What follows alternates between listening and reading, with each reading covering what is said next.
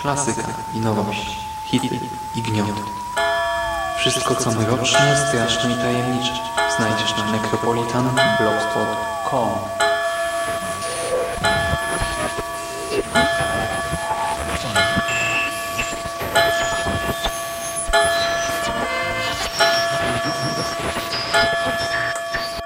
Witam w nawiedzonym podcaście.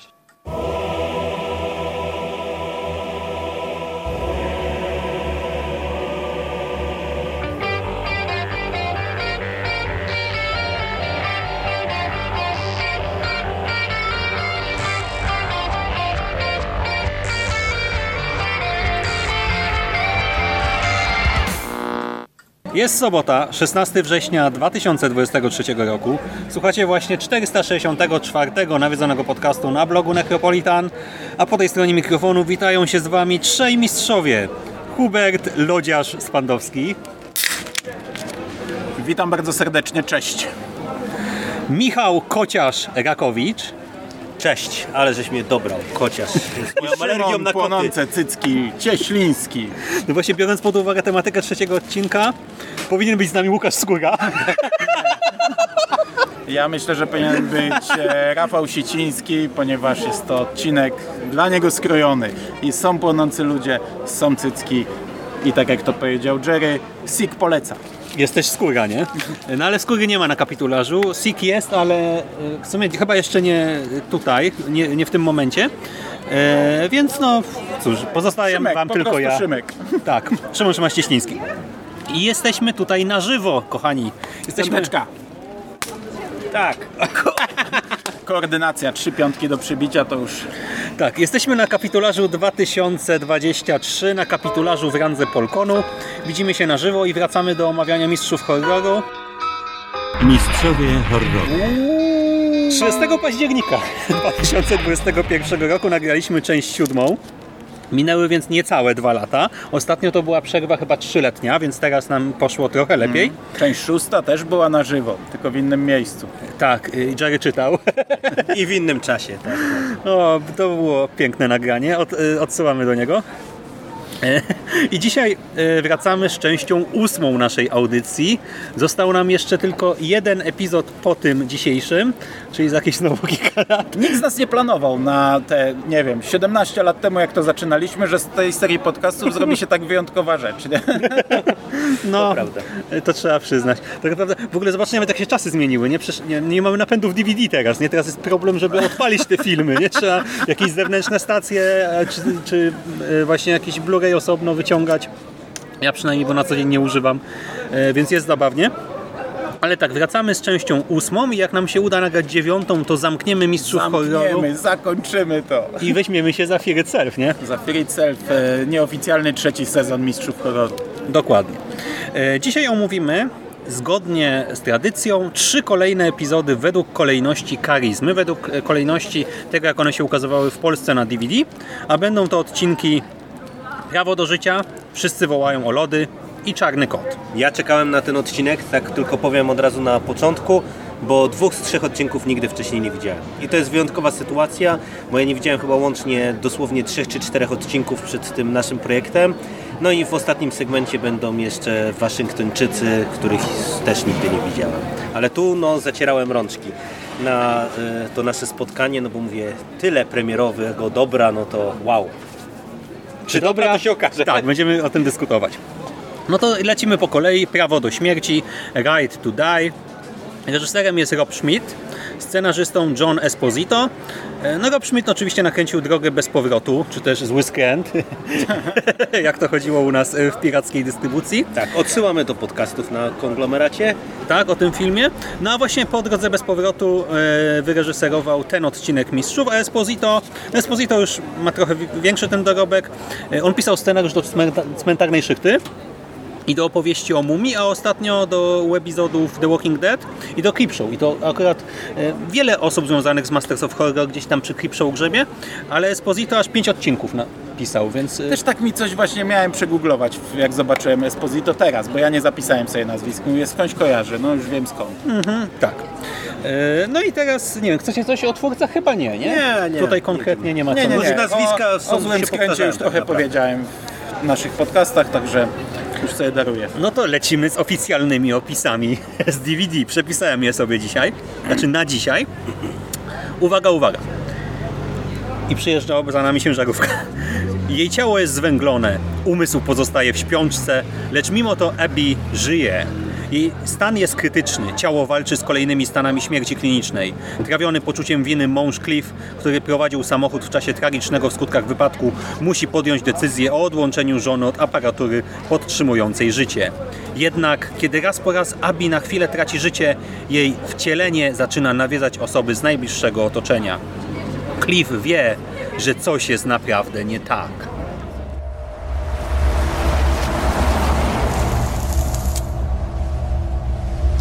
Tak cię kocham. Razem się zestarzejemy. Nie opuścisz mnie. Nigdy.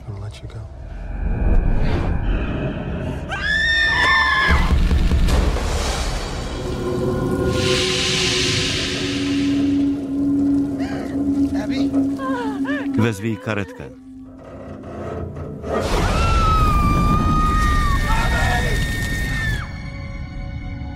Proszę się przygotować.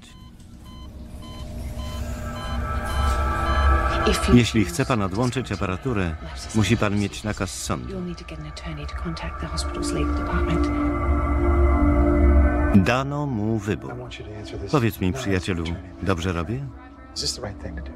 Abby by ci wybaczyła. Nie znałeś jej dobrze. Lecz diabeł nie śpi. Abby leży w śpiączce. Nie wyszła ze szpitala.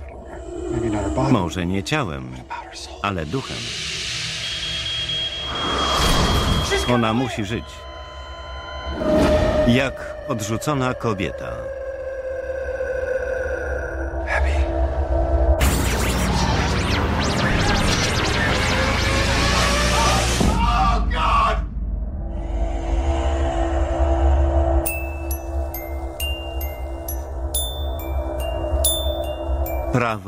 Do śmierci.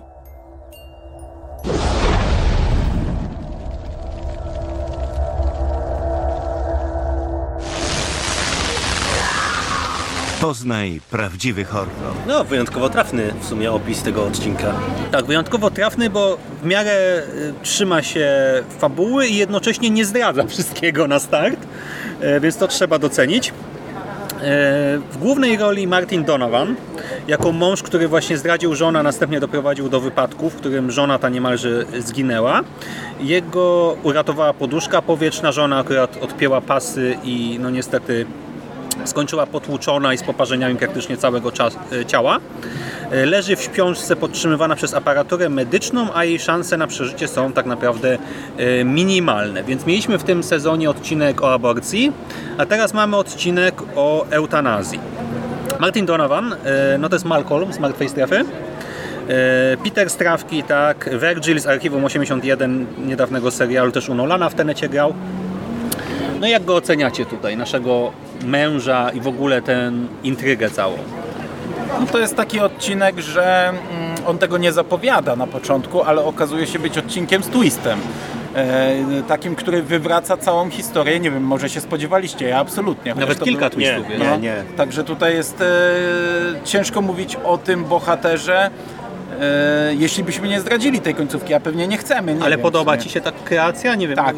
i aktorsko też, czy W ogóle Ci mi się ten odcinek bardzo podoba i aktorsko też mi się podoba.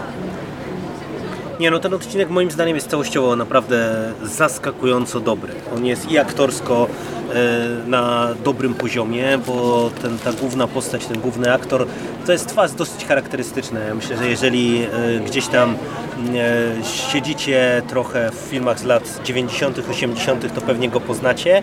Mm, I on jest interesujący stricte na poziomie fabularnym, bo e, on nie jest taki oczywisty. No właśnie to, to co Mando powiedziałaś, on jest z twistem, a tak naprawdę tutaj tych twistów jest kilka.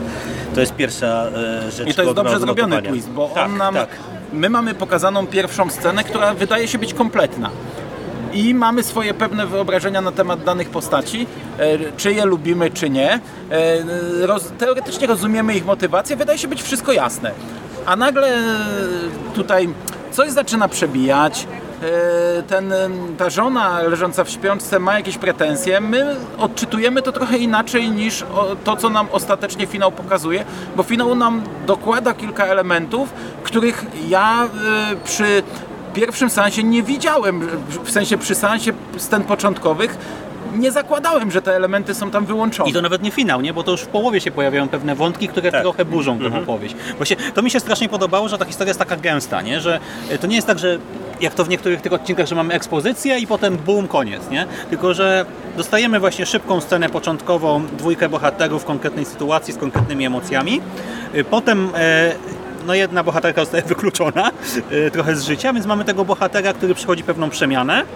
E, Więc to budzi w nas konkretne emocje, ale do tego dochodzi tam postać prawnika, lekarza, niektórzy tam też przedstawiają pewne argumenty, e, kochanki, zaczynają wychodzić na jaw e, kolejne wątki i powoli to nasze zdanie o bohaterach ewoluuje. Tak? Kogoś przestajemy lubić, znaczy może nawet nie przestajemy, ale lubimy trochę mniej, kogoś lubimy trochę bardziej, komuś trochę współczujemy, kogoś zaczynamy nienawidzić i autentycznie była we mnie masa emocji w trakcie tego seansu. E, I e, sam finał, który jeszcze bardziej, tutaj chciałem powiedzieć, że dorzucił do ognia, ale to w kontekście tego odcinka może nie jest najlepsze określenie. E, On. E, To jest tak, że on wywraca wszystko. Nie no, wywraca. W tym momencie głównego bohatera nienawidzisz już. No tak, ale w sensie już wcześniej wiedziałeś Ale miarę, no nie aż tak. No, on jednak dokłada do pieca. A tak, ale to też nie jest tak, że on. y, Ci, chodzi mi te, o to, że on nie wywraca fabuły na zasadzie, że nagle ci pokazuje, że to, nie był sen, nie? twist. nie, nie, Czy coś nie, takiego. Nie, nie. Tutaj to jest tak, że to, to jest mądrze zrobione, bo to po prostu nie jest sytuacja e, taka, że nagle mamy pokazane wszystko z tych początkowych na przykład sekwencji w innym świetle, tylko mamy nałożony dodatkowy kontekst, dodatkowy filtr i, i po prostu cała ta No, ale który zmienia się układa. całkowicie motywację nie, bohatera, Zmienia, nie? zmienia, ale wiesz, ale to jest, no, na tym polega trochę dobry twist. To, że on ją chce odłączyć od aparatury, to zupełnie inaczej w tym momencie odbieramy. No tak, tak. Albo, że ale, chce ją uratować. Ale to mówię, ale to jest naprawdę dobrze, dobrze zrobione, bo to ma uzasadnienie i w ramach jakby tej głównej osi, i w ramach twistu. I to jest super. Mm, Ale ja powiedziałem, że tu mówię, tu kilka rzeczy jest godnych odnotowania, bo to jest tak, że Wspomniałeś o tym odcinku z aborcją. Moim zdaniem tutaj ta tematyka e, odłączenia od aparatury, ona jest bardziej tak popcornowo zrobiona, ale mimo wszystko chyba ciekawiej może, bo... bo Znaczy, właśnie w ogóle tego nie czuć, nie? Bo chciałem e, właśnie zadać wam pytanie, czy czujecie, że to jest odcinek, nie wiem, polityczny, czy No właśnie coś nie. takiego. Ale jednocześnie jakby się tak zastanowić, nie, nad tym, to on mówi dużo więcej o problemie tak, tak, tak, niż tak. tamten. Bo tamten Dokładnie był o to chodzi. niby właśnie taki mocno, ba- bardziej nastawiony, nie? Na tą politykę, wiarę, podejście religijne, ateistyczne, e, ale to nie miało żadnego znaczenia. A tutaj tego niby w ogóle nie ma, a jednocześnie to jest ważne. Tak, tak, tak. To, jak nie widzieliście, to możecie nie, nie rozumieć do końca, ale no tak jest. Tak.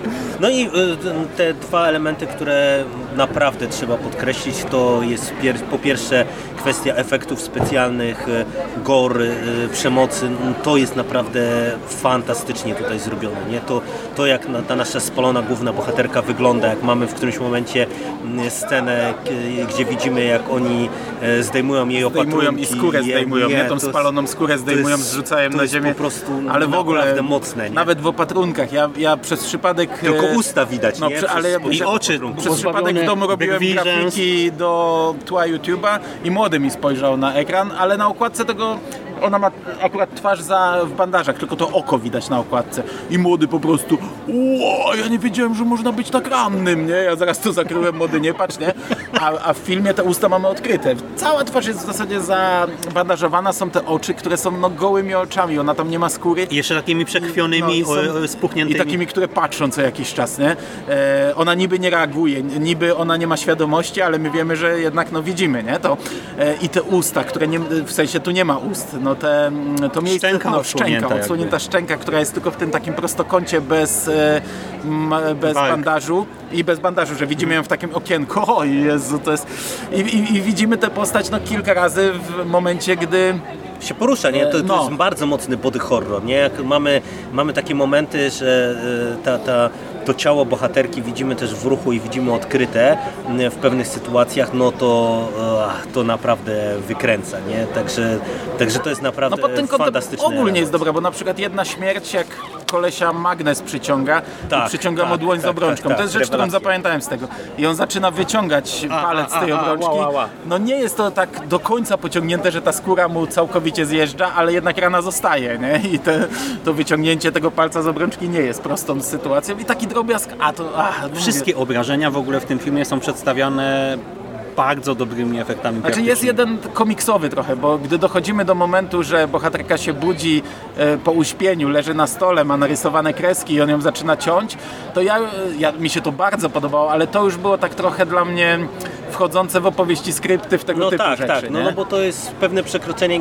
granicy, no ale umówmy się, ten odcinek jest taki trochę, tak jak ja powiedziałem, popcornowy. On nie jest do końca e, zrobiony na poważnie. To jest dla, dla, tak mi się wydaje, że to jest po prostu świetnie zrobiony B-klasowy odcinek. Bardzo dobrze właśnie warsztatowo, technicznie, aktorsko. No tylko mówię, tylko to nie jest jakieś, jakaś taka du, duża rzecz, nie, jakościowo, e, żeby to gdzieś tam do jakiejś ekstraligi, ale naprawdę super to wypada, nie? No w sensie to jest rozrywkowa historia, tak? Ostatecznie. Tak, tak, tak, w sensie tak, nie tak. ma trzeciego dna, tylko masz intrygę, która do, dosta, masz puzzle, które potem dostają dodatkowe elementy i zmienia się ostatecznie y, ten obraz, który dostajemy i z tego wynika fan tutaj. Dobra, to yy, jeszcze o aktorach może słówko, bo w prawnika wciela się Corbin Bernsen, czyli dentysta z dentysty y, Stewarta Gordona, o którym jeszcze będziemy y, za moment rozmawiać, a y, sam Donovan gra tutaj dentystę, technika właśnie dentystycznego, co też jest zabawne. E, I jeszcze mamy kochankę, w którą wciela się Robin Sydney i Mando powinien ją kojarzyć. Na razie nikogo nie kojarzę, kogo tutaj powiedzieć. Ale wiesz dlaczego? Dlaczego? Bo ona grała główną rolę w Gingerbread Manie. W piernikowym człowieku, którego omawiałeś. A, w 2013 roku albo nie wiem. Tak, no dekadę temu. Y, I też, y, słuchaj, ona grała w drugiej części Evil Bonga, a przecież była, był crossover, Ale ja nie? tylko crossover widziałem. Gingerbread kontra Evil Bong. Ale to kurde, no. Duże nazwiska! Nie odczułem, że tutaj mamy aktorów z takim bagażem doświadczeń. Ale to jeszcze jedna ciekawostka. To, co mi się strasznie spodobało, to to, że na liście aktorów mamy osobną aktorkę grającą Abby Edison, czyli żonę, i inną aktorkę grającą Abby Fink. Abby coś, nie? Czyli właśnie to ciało nasze pozbawione skóry. E, No to powiem, e, że ta pani, która grała ciało, 10 na 10. No ale to oczywiste, ona była pewnie szczuplejsza trochę, no bo pozbawiona części ciała. Tak. Niższa pewnie. Pozbawiona skóry. No nieśmieszne, nieśmieszne. O Jezu. E, No ja wam powiem, że ja e, oglądałem to oczywiście premierowo. Pamiętałem z tego bardzo mało. E, troszeczkę szablon, troszeczkę to, że to będzie e, makabryczny odcinek, ale nie wiem, czy już do podsumowania przechodzimy, bo ja trochę przeszedłem. Możesz, ja tam dodam jeszcze. Ale jestem mega zadowolony. Tak jak powiedzieliśmy, fabularnie jest naprawdę bardzo fajnie rozpisane. Jeśli chodzi o gore i o makabrę, to jest e, jeden z lepszych odcinków e, z tego serialu. Do tego jest bardzo ładna golizna. Tak jak tu sobie zażartowałem, jak oglądałem ten odcinek, to tylko o Siku myślałem, że by docenił, by docenił, bo mamy dwie roznegliżowane panie, które wyglądają ładnie i do tego płoną, przynajmniej jedna z nich. E, I, i, I ten finał, no bo my tu mówimy, że są różne twisty, ale kurczę, ile ten odcinek ma fajnych finałów, bo ten moment, co powiedziałem, że to już było jak z opowieści skrypty, do tego takie głupiutkie, nie? No zetnę z niej skórę i, i, i pójdę. Ale zrobione, zrobione fantastycznie i potem mamy jeszcze dwa kolejne finały, tak jakby, gdzie on biegnie z tą lodówką. finał, finał jest gorzki też taki. Ale bardzo, najpierw nie? ten, gdzie on biegnie z tą lodówką przez szpital i to Tak, jest tak, takie, tak, tak, a po pierwsze cieknie z tej lodówki coś, co jak taka rozwodniona krew, no bo no, rozbraża się lodówka i to. I sam fakt, ja wtedy sobie tak myślałem, aż takie czułem uczucie takiego, z, e, nie mam nigdy słowa, E, Taki awkward moment? E, no wiesz, no on wbieg- Niezręczność? No, wbiega ze skórą, nie? I biega potem i wszyscy tam w ogóle tak No, z patrzą, Łukaszem tak do szpitala. co się dzieje, nie? A potem jeszcze mamy ostateczne zamknięcie, które jest świetnym finałem. Ta ostatnia scena, jak on Tak, wraca tak, do tak. domu, e, to też jest super rzecz, nie? Także ten odcinek naprawdę perełka. Ja Mhm. jestem zaskoczony, bo nie zapamiętałem go jako perełkę. Znaczy ja jestem przede wszystkim zaskoczony tym, że on nie ma jakiegoś takiego statusu, mam wrażenie, w kontekście całych mistrzów horroru, bo jednak ten serial dorobił Tak, się bo wczoraj rozmawiałem odcinków. z Rychem i Sikiem o tym, że będziemy nagrywać Mistrzów Horroru i oni tak zaczęli między sobą chwilę gadać, że ja już trochę nie pamiętam. Nie no, ja trochę pamiętam, przecież było Imprint, było Tak, Cigarette, Cigarette Burns. Burns, no to są te, właśnie. które się Pamięta się pierwszy sezon. Wymienia się jednym te tchem te nazwiska, te tytuły, nie? No, a, a tu, ten, ten odcinek, ja nie wiem dlaczego on jakby kompletnie ucieka pod radarem, bo on jest świetny. No, no, nawet możemy się podśmiewywać, że wychodzimy teraz tutaj na tych perwersów, ale przecież nawet właśnie to, jak ta golizna jest pokazywana, to też jest e, super realizacyjnie zrobione, no bo widzieliśmy różnie te, te sceny, nawet w samych mistrzach horroru pociągnięte, no i no, bywało z tym czasem dyskusyjnie, a ten odcinek naprawdę na każdym jednym polu, e, przez to jak dobrze jest zagrany, jak ma dobry scenariusz, jak jest świetnie poprowadzony e, aktorsko, realizacyjnie i tak dalej, i tak dalej, to dla mnie to jest odcinek, który jest naprawdę w ścisłej topce e, mistrzów horroru i no, mówię, no ja nie pojmuję jakby dlaczego on mi gdzieś e, przez te wszystkie lata nie wpadł po prostu na radar, nie? No bo mówię, ja tego odcinka nie widziałem i gdybym wiedział, że on jest tak dobry, no to bym pewnie już po niego sięgnął wcześniej.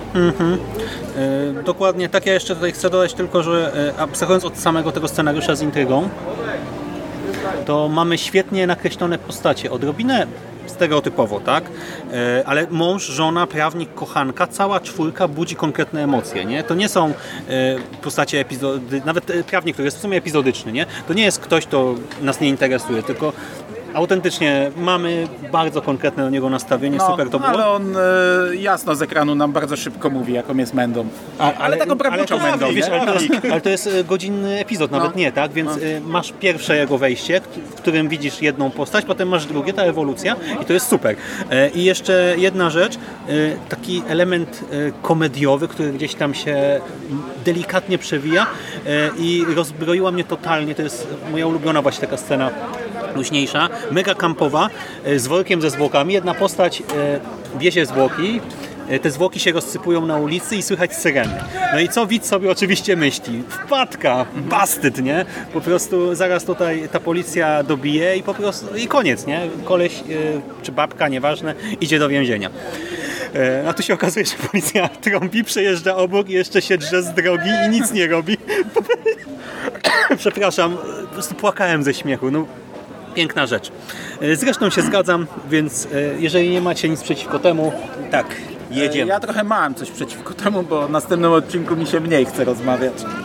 wszyscy wołają o lody. We all scream for ice cream. Reżyserem jest Tom Holland, e, więc reżyser i scenarzysta chociażby Po strachu nocy, Laleczki Czaki czy Przeklętego. E, Scenarzystami są Mick Garris, David J. Shaw e, i John Faris. E, No i cóż, o twórcach chyba nawet mówiliśmy już e, przy jakimś Tak. tam innym odcinku, więc fabułka. Uwaga, Opis. uwaga. Cytuję. Wiele lat wstecz, w wyniku głupiego dziecięcego żartu, ktoś nagle stracił życie. Życie potoczyło się dalej, a tragiczne wydarzenie z czasem zostało tylko bladym wspomnieniem. Teraz dorośli już zabójczy dowcipnisie dostają sygnał, że ktoś jednak nie zapomniał tego, co zrobili. Nie dość, że pamięta, wprowadza w życie okrutną zemstę. Czy dorośli ludzie są w stanie obronić się przed upiorem przeszłości? Dzieci. Zbierają się, wywędrowały wczoraj z domów. A potem, trzymaj się mały, znikają. Co tu robisz? Nie chcę go przegapić. Spał już o dziewiątej. Najpierw Bobby. Nie wiem, co się stało. Teraz ten. O co tu chodzi? Dokuczałaś komuś w dzieciństwie? way Tak, że będziesz tego żałować do końca życia? What happened to Co Buster? mu się stało? he died. Umarł. Od Cream 20 hasn't lat nie rozwożą tu lodów. 20 years. Buster wrócił.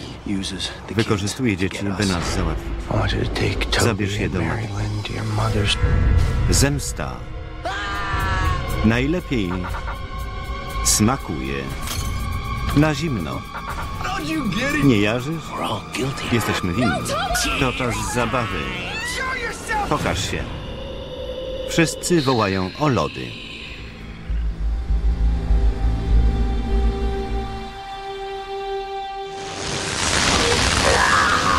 Poznaj prawdziwy horror.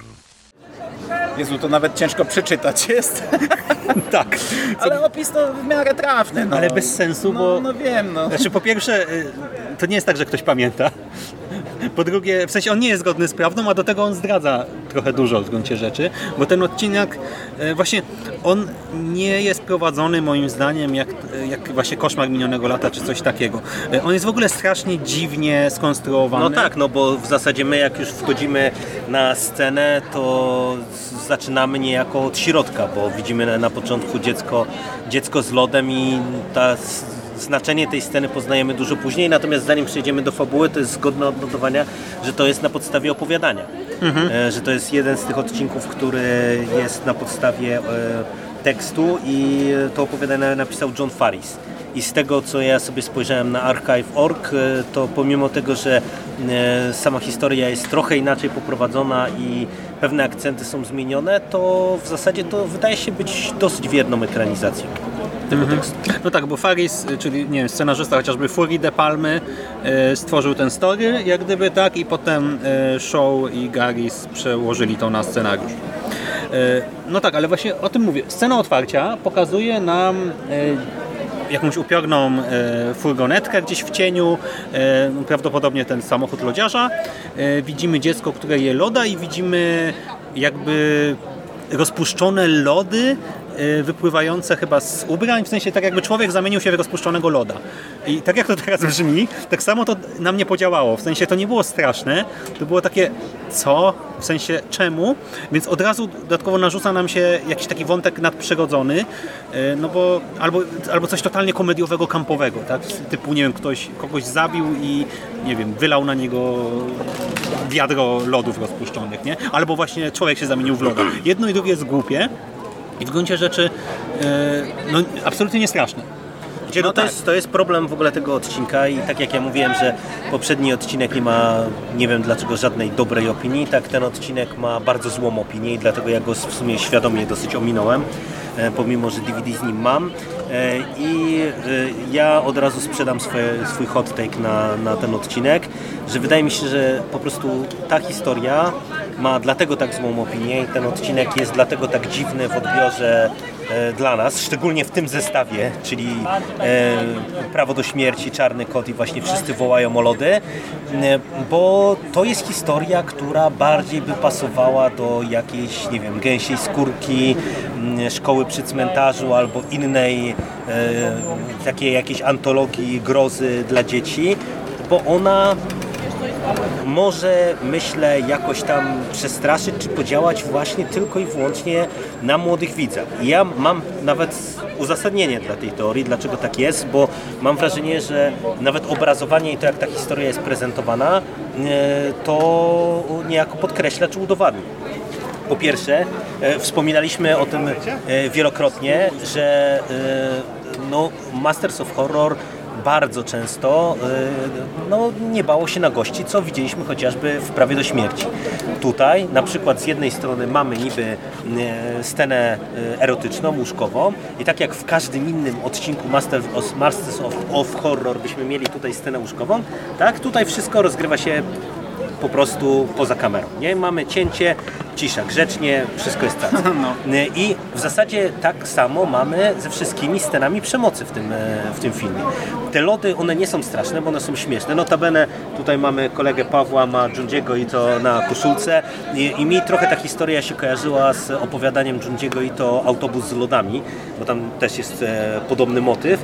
I e, właśnie na przykładzie zestawienia tych dwóch historii widać, jak można tą grozę wykreować albo nie. U Junjiego Ito to jest absolutnie porąbana y, i przerażająca historia, a tutaj też między innymi przez to, że my zaczynamy od środka i my nie wiemy i dostajemy kuriozalną scenę na początek. Ale ona a też później- narzuca ci interpretację, nie, nie ma w ogóle tajemnicy. No tak, nie ma tajemnicy.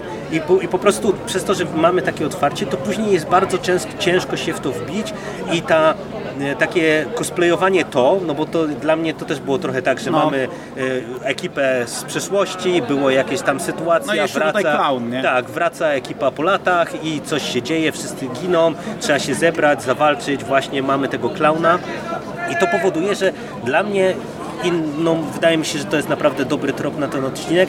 To jest historia, która autentycznie nie powinna się znaleźć w Masters of Horror, tylko w jakiejś antologii grozy dziecięcej i wtedy paradoksalnie ten odcinek nie byłby tak źle odbierany, mi się wydaje, bo No on... ale wtedy też trzeba by go i tak przerobić, w sensie to nadal nie jest tak, że on byłby dobry nagle. Nie, on nie byłby dobry, tylko chodzi mi o to, że on po prostu Ale by pasował, lepiej, do lepiej takich by pasował. skórek tak? do szkoły przy cmentarzu by pasowało.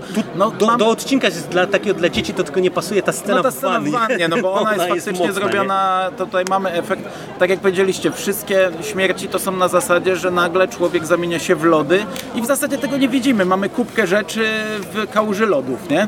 Bo dziecko Szkoda, że nie widzicie miny Pawła Matei, który teraz usłyszał. Szczególnie, że Jerry przed chwilą to do Junji'ego i to zestawiał.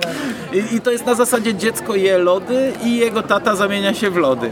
E, Więc to pasuje do takiej szkoły przy cmentarzu dla siedmiolatków. E, Ta jedna scena w wannie, ona jest faktycznie pokazana proces przemiany, bo we wszystkich innych nie ma, więc tam mamy, no tu robi też efekty Greg Nicotero, więc w tej jednej scenie się troszeczkę pobawił.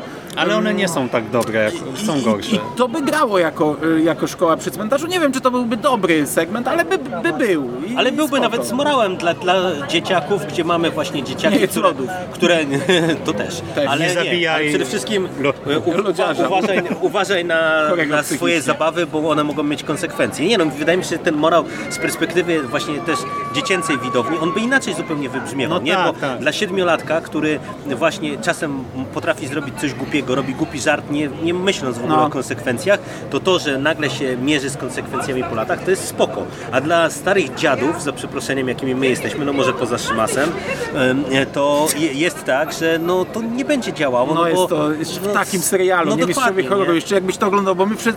Nie, ty nie, ale ja i Jerry trochę zaburzyliśmy kolejność. Najpierw obejrzeliśmy Lody, potem Prawo do śmierci, więc mieliśmy ten no, przeskok na plus, ale jak ktoś obejrzy najpierw Prawo do śmierci, które Ja jest, oglądam. no, które jest e, Świetnym odcinkiem. świetnym, makabrycznym i mocnym i, i krwawym i, i golizna i wszystko tam jest, a potem wejdzie w lody, które naprawdę to można streścić do jednego zdania, no pomijając te, to z przeszło- żarcik z przeszłości dzieci odbija się teraz, który polega na tym, że w nocy jeździ lodziarz po ulicy, e, taki zombie lodziarz i słychać taki mroczny głos. You scream, we scream, we all scream for ice cream i te dzieci zamieniają się w takie zombie z inwazji po- porywaczy ciał i idą to najlepsze lody na świecie i dostają te lody, liżą, no i ich tata zamienia się w lody. No to to jest rzecz absolutnie kuriozalna w ramach tego serialu. I cały też ten wątek powiedzmy, nie wiem, zemsty po latach, to też jest takie głupkowate, no bo tak naprawdę e, kwestia winy tutaj i, i tak dalej. No i takie to, to rzeczy są- mieliśmy takie historie, nie? które są równolegle, wiele, tak, Tak, nie tak, tylko tak. to, No, no bo to jest takim naj, najprostszym Ale chodzi mi o to, że I tutaj- zawsze były lepiej zrobione. No tutaj właśnie, że, że to powiązanie tych dzieciaków ze sobą i też e, e, z tym, e, z tą akcją sprzed lat, ono też jest takie naciągane, nie? I ta relacja współczesna między nimi, te ich rozmowy, rozmowy z żoną, się wszystko średnio klei i wy mówicie o tej scenie w, e, w wannie, no to ona mi się też w sumie nie podobała w ogóle, bo e, aktorsko to było tak głupie, No ale chodzi o to, że ona jedyna wyróżniała się na tle reszty. Tak, nie? że była bardziej dla dorosłych, ale jednocześnie moim zdaniem, ja o tym wspomniałem już jak mówiłeś, nie, że efekty tutaj są dużo gorsze niż w poprzednim epizodzie. Y, Ta scena w wannie nie było, znaczy, zobaczyłem tam efekty, ale tak jak no dziecku bym tego nie pokazał, tak dla mnie to było mech, nie? W sensie to nie było straszne nagle, tylko takie, o Boże, serio? E, Rozpuszczone No, lody w wannie, wow. E, No właśnie, co do aktorów, no to mamy Lee Tergesena jako Lejna i Williama Forsytha jako Klauna. E, No i tak jak mówię, struktura jest moim zdaniem bez sensu, efekty są e, w finale są złe, wcześniej są znośne, ale i tak gorsze od tych, co mi- mieliśmy w poprzednim odcinku. Aktorsko moim zdaniem to wypada kiepsko, właśnie ta scena konfrontacji Lejna z Virgilem. Sam z tym finał też jest Nie, nie, głupi, jest nie Jezus nie? Ja w ogóle w finale myślałem, że tam jest dodatkowa postać. Ja myślałem, że tam jest dwóch na jednego de facto, bo jest tak zmontowany, tak pocięty, że oczywiście musiałem obejrzeć go drugi raz, żeby skumać, co się wydarzyło. Bo byłem przekonany, że nagle przybiegła jakaś inna postać i mówię, skąd, co, kto to jest w ogóle. E, Więc e, no nie, nie podobało mi się i jeszcze jako taki segment bardzo kampowy, on nie jest zabawny de facto. Jak przy... Nie, on jest, ja bym powiedział wręcz odwrotnie, on jest mega poważny. To co podbija zresztą na przykład ta scena w, w wannie, bo ten gość tam wtedy mówi straszne rzeczy, nie? Jak tam sugeruje, albo nawet wprost tam wypowiada, że tam zgwałcił kogoś z tej ekipy, e, tam jakieś inne chłopca, robił, tak, jakąś kobietę, coś tam, tak. I, I tam takie jakieś br- br- brudne, chore jazdy, e, wrzucanie. Także, także to jest po prostu no, coś, co jest, co jest dziwaczne, nie? No tak właśnie, więc, e, ale to też jest straszne, poważne, ale nie, nie ma wydźwięku, nie? To jest No takie... nie ma, no nie ma, no, no bo to mówię, bo to jest dla dzieci segment, no po prostu. Mi jest ciężko, wiesz, teraz zestawić z poprzednimi, bo nagrywamy to 50 lat, ale wydaje mi się, że to jest najgorszy odcinek Mistrzów Horroru. Ja nie wiem, bo był jeden ten Taniec taki... umarłych. Tak, ja, taniec ja, umarłych. ja mam wypalony cały czas spód prosto pod Ale to jest podobny nie? Wale, Walerii na schodach też, no to też nie, Mick Garris nie, pisał wa- scenariusz. ale Walerii na schodach była, pamiętam, że lepiej ją ocenialiśmy. Ale kurde, Garris, twórca jednak, No, jak się pojawia to w swoim serialu. Ale nie, no, no, no co mamy wam powiedzieć? Lecimy dalej, bo tu, tu już nie Lecimy ma co się dalej. użalać. Czarny kot. Czarny kot The Black Cat. Za reżyserię odpowiada wspomniany już dzisiaj Stuart Gordon, a przy scenariuszu współpracował, ale uwaga, z Mickiem Garrisem i Denisem Paolim. E, Paoli to jest w ogóle taki kumpel e, Stewarta. E, Gordon często pracuje z nim, nie wiem, przy From Beyond współpracowali przy Reanimatorze, więc No to, nie w ogóle jest... wraca ekipa trochę właśnie od Gordona, no bo Mhm. mamy jeszcze Jeffrey'a Combsa. nie? No tak, właśnie tak. Mamy Kompsa, czyli Herberta Westa między innymi. I o czym opowiada ten segment? Czytam opis. Edgar Allan Poe przeżywa kryzys twórczy i finansowy, a smutki topi w alkoholu. Jego żona jest śmiertelnie chora, jej stan staje się coraz bardziej uciążliwy. Na dodatek jej kruczoczarny kot o lśniącej sierści sprawia coraz więcej problemów, doprowadzając Edgara na skraj zatracenia zmysłów. Czy pisarz oszaleje, czy może stworzy arcydzieło? Właśnie pracuje nad kolejnym opowiadaniem. Był znanym poetą. Doskonale. Coś jak serce oskarżycielem? Z niebezpiecznie mroczną wyobraźnią. Zakopują go żywcem. Skąd pan bierze te pomysły? By tworzyć, dobrze panu radzę zostawić poezję damom. Chcemy kolejne opowiadanie. Stracił kontakt z rzeczywistością.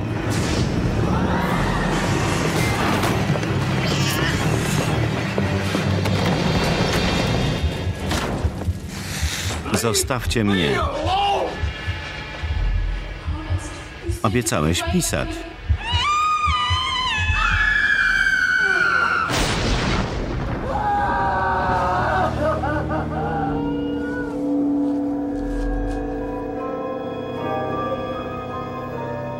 Czarny kot.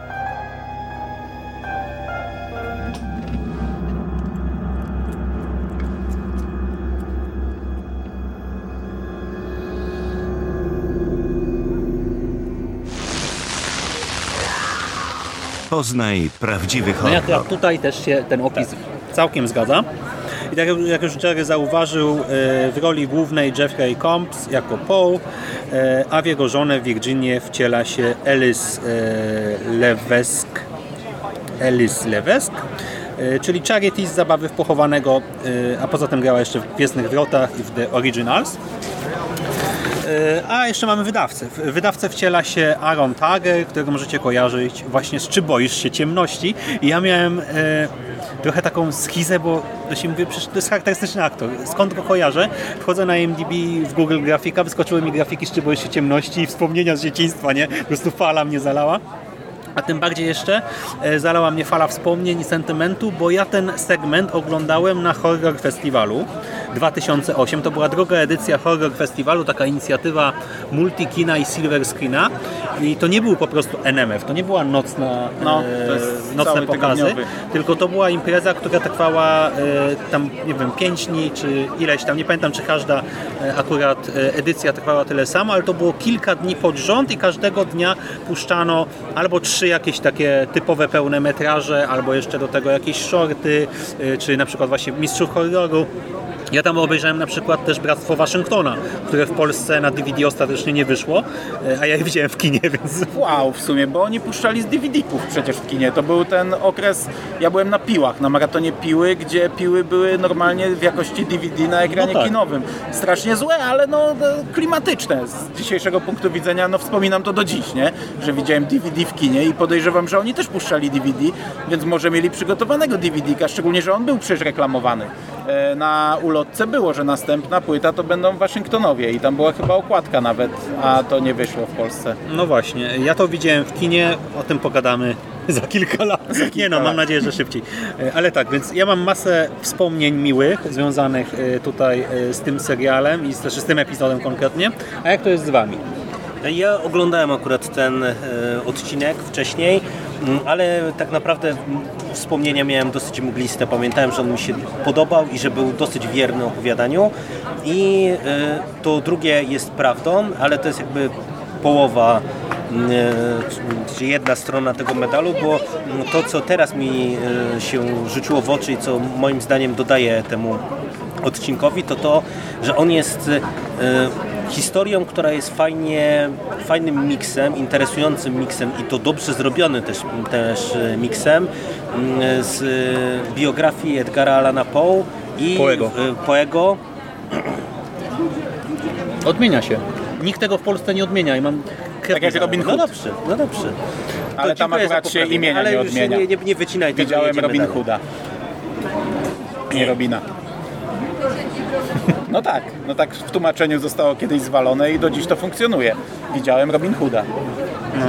W każdym razie mamy e, miks Ja biografii Edgara Allana Poego i właśnie tego jego opowiadania Czarny Kot i to jest e, fajne. To jest naprawdę coś, co dodaje temu e, ca- całej tej historii smaczków, no bo można sobie to później prześledzić właśnie, co było prawdą, co, co, co nie, jak to się miało do opowiadania E, i e, ja lubię w ogóle tego rodzaju zabiegi. Ja nie mogę sobie przypomnieć teraz, gdzie już coś takiego było, bo na pewno mieliśmy już gdzieś taką historię, chyba nie w Mistrzach Horroru, chyba w jakiejś innej antologii. Ja kojarzę właśnie, że też było tak, że proces powstawania opowiadania był zmiksowany z życiorysem autora i to naprawdę tutaj moim zdaniem się udało, tym bardziej, że e, ten odcinek jest momentami nieco kampowy to złe słowo, ale on jest taki przesadzony, czy trochę teatralny. Komps szczególnie momentami mam wrażenie, No, że, takie celowe że szarżuje. Tak, No. tak, ale Właśnie, że, bo to jest trochę jak takie... te- Teatralne to jest dobre słowo, nie? Ale jednocześnie nie do końca, No nie do bo to końca, chodzi o to, nie? że oni grają te postacie z epoki. O Tak, tak, ale, ale to też jest takie podbite, nie? że to nie jest tylko właśnie granie postaci z epoki, tylko to jest dla Ale mnie jak kino troszeczkę- historyczne Tak, tak, ale Że- mówię, ale takie jeszcze, wiesz, trochę podbite do tego, nie? I y, mamy jakby ten, ten, e, ten e, aspekt, ale z drugiej strony to znów jest naprawdę odcinek, który jest mocny. Tutaj erotyki specjalnie nie ma, ale y, przemoc, efekty specjalne, tego rodzaju kwestie, no to są rzeczy, które są zrobione mocne i tu warto ostrzec, bo to jest odcinek, który zawiera przemoc wobec zwierząt i to nawet nie jeden raz. I jedna scena z kotem to jest po prostu E, coś, co no. jest wow, nie pamiętałem tej sceny, ale ona jest masakryczna, nie? Więc jak ktoś jest wyczulony na przemoc wobec zwierząt, to ostrzegamy. Tak, bo mamy trójkę zwierząt, mamy kanarka Anabel, rybkę Finasza i kota Plutona. E, No i zwierzątka nie kończą w tym epizodzie zbyt dobrze. Ja wam powiem, no nie, nie, nie lubię się do tego przyznawać, ale przyznałem się ostatnio w Radiu SK, że ja pisarsko Edgara Allana Poe znam... Poego. Poego. Pisarsko Edgara Allana Poego znam umiarkowanie, a nawet e, gorzej. I ja nie wiem, czy ja czytałem e, to opowiadanie. Podejrzewam, że nie. Znam je bardziej z ekranizacji. Chyba najbardziej w głowie mam taki film, który był uwspółcześnio, uwspółcześnioną wersją Oczy Szatana Dario Argento z 1990 roku, bo to akurat w tym okresie nastoletnim e, oglądałem wielokrotnie. E, Także podchodziłem tak trochę na czysto, nie wiedziałem, nawet was pytałem przed nagraniem, czy to jest ekranizacja, ile tu jest faktycznie z tego opowiadania, czy to jest, e, czy to życie Poego, bo, bo też nie znam, no nigdy się nie interesowałem tymi klasykami za bardzo, Poe czy Lovecraft to nie były rzeczy, które były jakoś e, mi bardzo bliskie. I to jest zrobione świetnie. To się zgadzam z tym, co Jerry powiedział. Zmiksowanie Ja mam życia- Poego na koszulce się skapnąłem teraz, bo patrzymy na siebie też w szybie. zmiksowanie życia e, Poego z opowiadaniem jest zrobione fantastycznie. E, erotyka jest, erotyka z epoki. Jest scena, gdy Poe zaczyna się rozbierać. E, No tak, dlatego stosunku. powiedziałem, że nie taka bezpośrednia, nie? No, jak jak e, w tym wcześniejszym. Przemoc wobec zwierząt jest mocna i faktycznie rusza. Zresztą tutaj z tymi oczami jest kilka scen, bo d- dwa razy jest wydłubywanie No. oka, raz człowiekowi, raz kotu. E, przemoc e, taka graficzna też jest, gdy siekiera rozłupuje twarz, głowę pewnej postaci e, i widzimy to po wyciągnięciu siekiery, gdzie ta twarz jest e, przepołowiona, wygląda I fantastycznie. to nie wygląda właśnie jak w horrorze, bo najczęściej wtedy ta siekiera przebija po prostu jak katana najostrzejsza, nie? Że czaszka na dwie strony się rozchodzi, a tutaj nie, tutaj widać, że ona się wbiła do pewnego stopnia, e, ale nie przebiła czaszki na wylot i przez to to jest tym bardziej przerażające, nie? Bo nagle oczekujesz takiej sceny, którą widziałeś tysiąc razy w kinie akcji też, nie? Są takie przecież, e, czy nawet jakichś tam e, komiksowych To jest filmach. taka rozjechana twarz po prostu. Tak, taka po prostu no. rozbita przez No. środek, ale nie na wylot. I też No. bardzo fajnie graficznie grają, bo ten e, epizod jest e, z takim nałożonym filtrem. On nie jest do końca czarno-biały, ale to są takie bardzo wyprane kolory. Natomiast krew jest podkreślona mocno czerwono. I to nie tylko No, w tych scenach bardzo brutalnych, ale wiesz, nawet jak on się tam zaciął i mu trochę krwi Tak, skapnęło, to to jest taka mocna czerwień. A scena z fortepianem, ja z, każdej, z każdego tego z trzech odcinków miałem tak naprawdę jedną scenę w głowie, którą pamiętałem dobrze po pierwszym seansie. No tutaj to była scena z fortepianem, jak, e, jak bohaterka zaczyna kaszleć krwią i ta krew zaczyna się lać już tak bardzo mocno z niej e, i na te białe klawisze i to wygląda no mocno, I na ale, ale w ogóle to nie? krwawienie się, bo jest taki moment jak e, Po próbuje pisać, a ona kaszle i on się w końcu na nią wnerwia, bo, bo ma też odstawiony alkohol na chwilę, więc jest nerwowy i wbiega do tego pokoju i krzyczy, czy się w końcu przymknie, nie? Tak agres, agresywnie reaguje, a ona ma brodę całą zakrwawioną i całą tutaj na piersi tą koszulę, nie?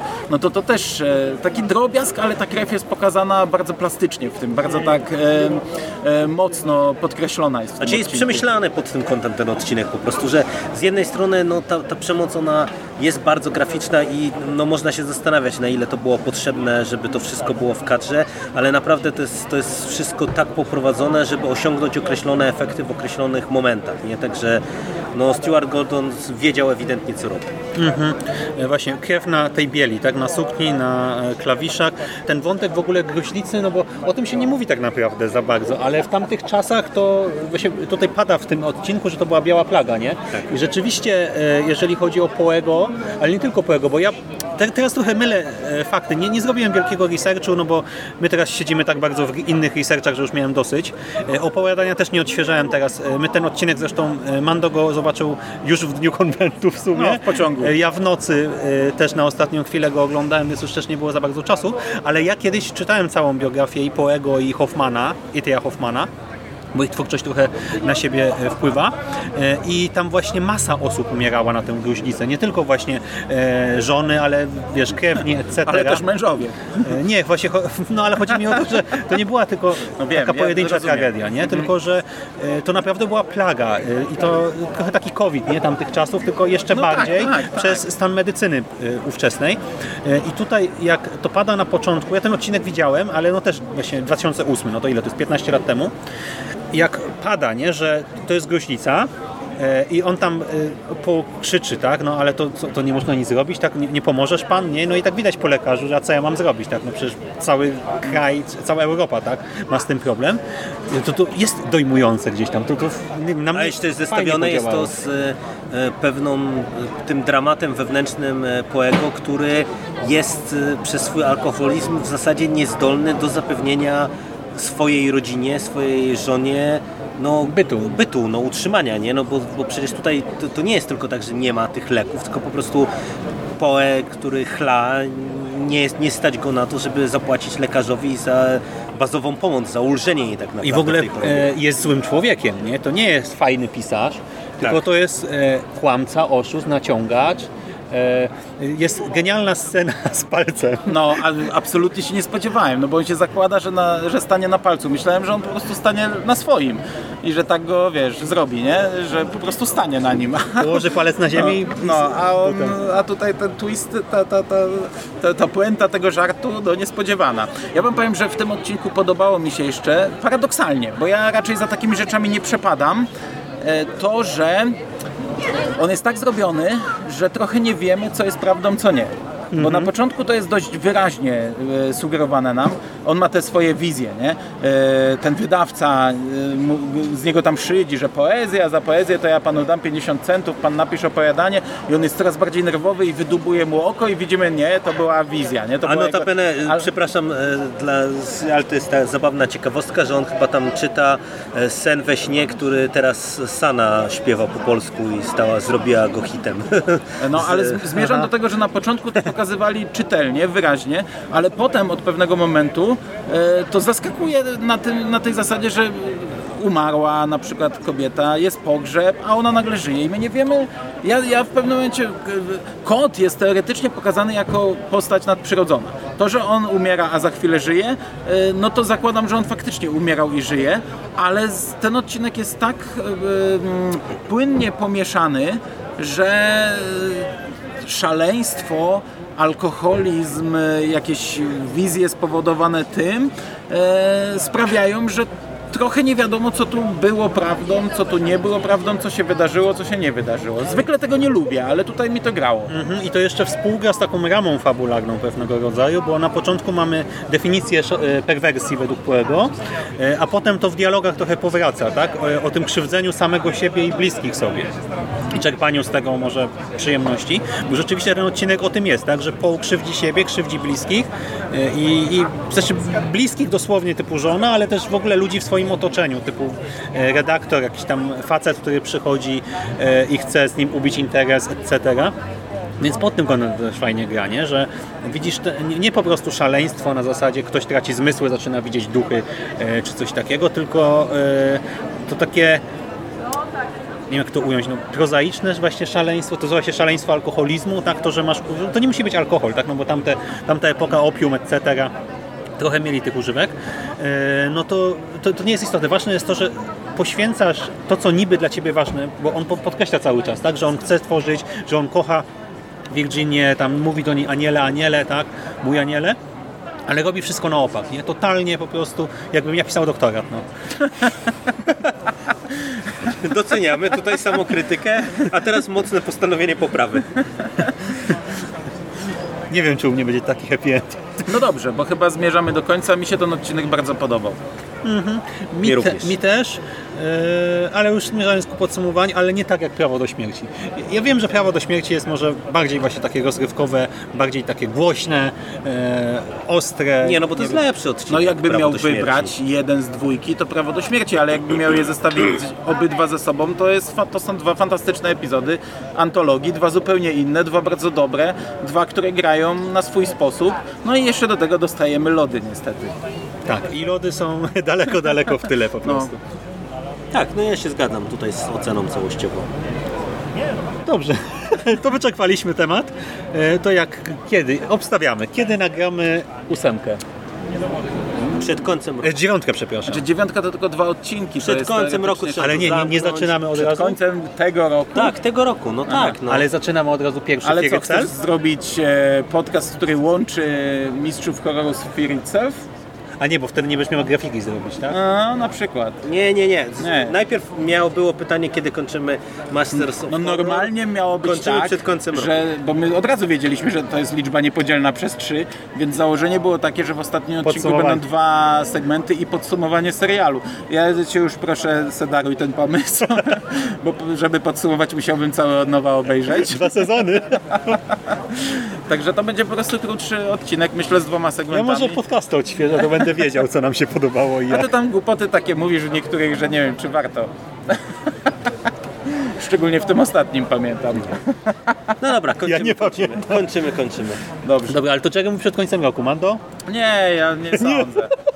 Ale to kiedy? 2024, pierwsza Maksymalnie połowa dwa lata myślę. do dwóch lat. Jako, że ostatnio, nie wiem, no wkręciliśmy sobie, że to jest coś na tyle wyjątkowego, że robimy to w fajnych momentach e, życia, to no, zależy kiedy ten fajny moment nastąpi. Chyba, że na przykład stwierdzimy jak dwa lata temu, że a zamknijmy na Halloween. Więc wtedy, no, to już jest za półtora miesiąca, dwa miesiące. Na MFK was nie będzie? Nie. Nie, no dobra.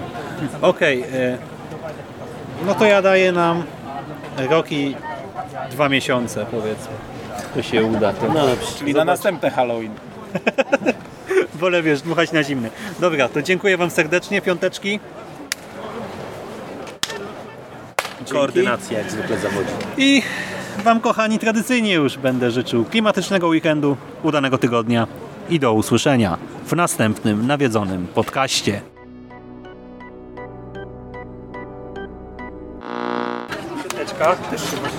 Dobra, chwila. Gratulacje, gratulacje. Powiem tak, zaczyna się dla Ciebie najwspanialszy okres, jaki może mężczyzna mieć w życiu. Oczekiwanie, jak dziecko dorośnie. Dobra, tu sobie nie, też ten bardzo się kawałek. cieszę. Bardzo się cieszę. Będziecie super rodzicami. Dobra, jak chcecie sobie pogadać, to kawałek dalej. Mądrzy ludzie się muszą rozmnażać. Szymon, trzeba do Ciebie. Dobra, nagrywajcie, nagrywajcie. My już kończymy, prawie. No dobrze, no to tak, ten odcinek... Ale halo, Jak chcecie pogadać, to idźcie kawałek dalej, my skończymy. I staną za nami. Głośniej mówić.